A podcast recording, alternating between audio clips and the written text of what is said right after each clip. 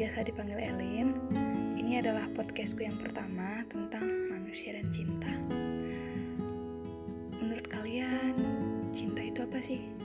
Apakah selalu berarti baik atau justru sebaliknya bagi kalian?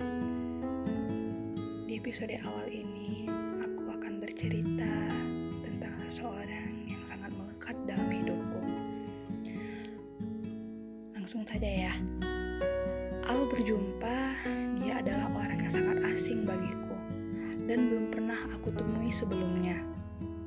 Kami adalah teman satu sekolah namun berbeda kelas. Karena saat itu kami mengikuti kegiatan ekskul yang sama dan tanpa disengaja dan disadari, mulai saat itulah kami mulai sering berinteraksi. Awalnya aku dan dia biasa-biasa saja dan tidak ada yang istimewa terjadi di antara kami.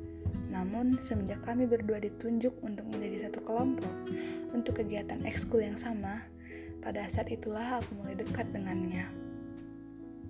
Saat aku mulai melihatnya, berbicara, aku mulai jatuh cinta dan suka padanya. Dia adalah sosok yang sangat pintar dan cerdas. Aku suka bagaimana caranya memandang dan menilai sesuatu.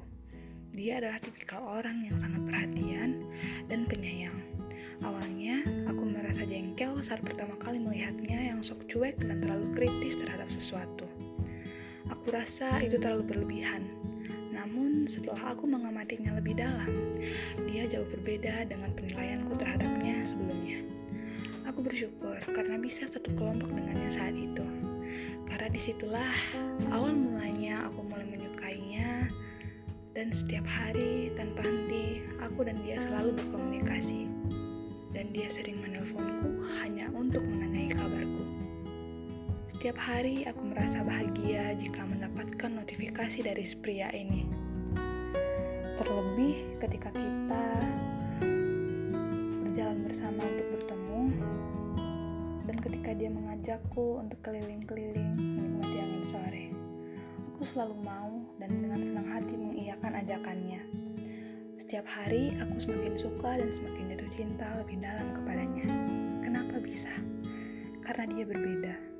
Dan itulah yang membuatku jatuh cinta padanya. Aku tahu dan aku sadar aku sangat mencintainya. Namun aku bertanya lagi kepada diriku, apakah aku ingin sesegera mungkin mengungkapkan bagaimana aku menyukainya? Tentu saja tidak. Aku lebih memilih memendamnya sampai dia duluan yang aku persilahkan untuk mengungkapkannya padaku. Sekian lama menunggu dan beberapa bulan berlalu, ternyata dia mulai memperlihatkan dan mengungkapkan perasaannya padaku. Dia mulai mengungkapkan betapa dia menyayangiku dan memperhatikanku selama ini. Pria ini berkata bahwa sebenarnya dia telah menyukaiku sejak lama dan baru mampu mengungkapkannya sekarang karena dia takut kami berdua akan menjadi canggung satu sama lain jika dia mengungkapkannya bukannya menjadi canggung, namun menurutku justru ber aku menjadi bertambah sayang kepadanya. Semenjak saat itu, kami mulai menjalin hubungan yang sangat aku nanti-nanti. Akhirnya aku bisa menyatakan bagaimana aku menyukainya dan diam-diam mencintainya, serta menyebutnya dalam doa selama ini. For me, you are the one that's on my mind. Aku jatuh cinta terlalu dalam dan menemukan keajaiban di dalam warnamu. Bagiku, kamu adalah waktu yang tepat di saat yang tepat. Ya, itu kamu. It's you. Sampai jumpa di episode berikutnya, teman-teman. Sekian dulu ya.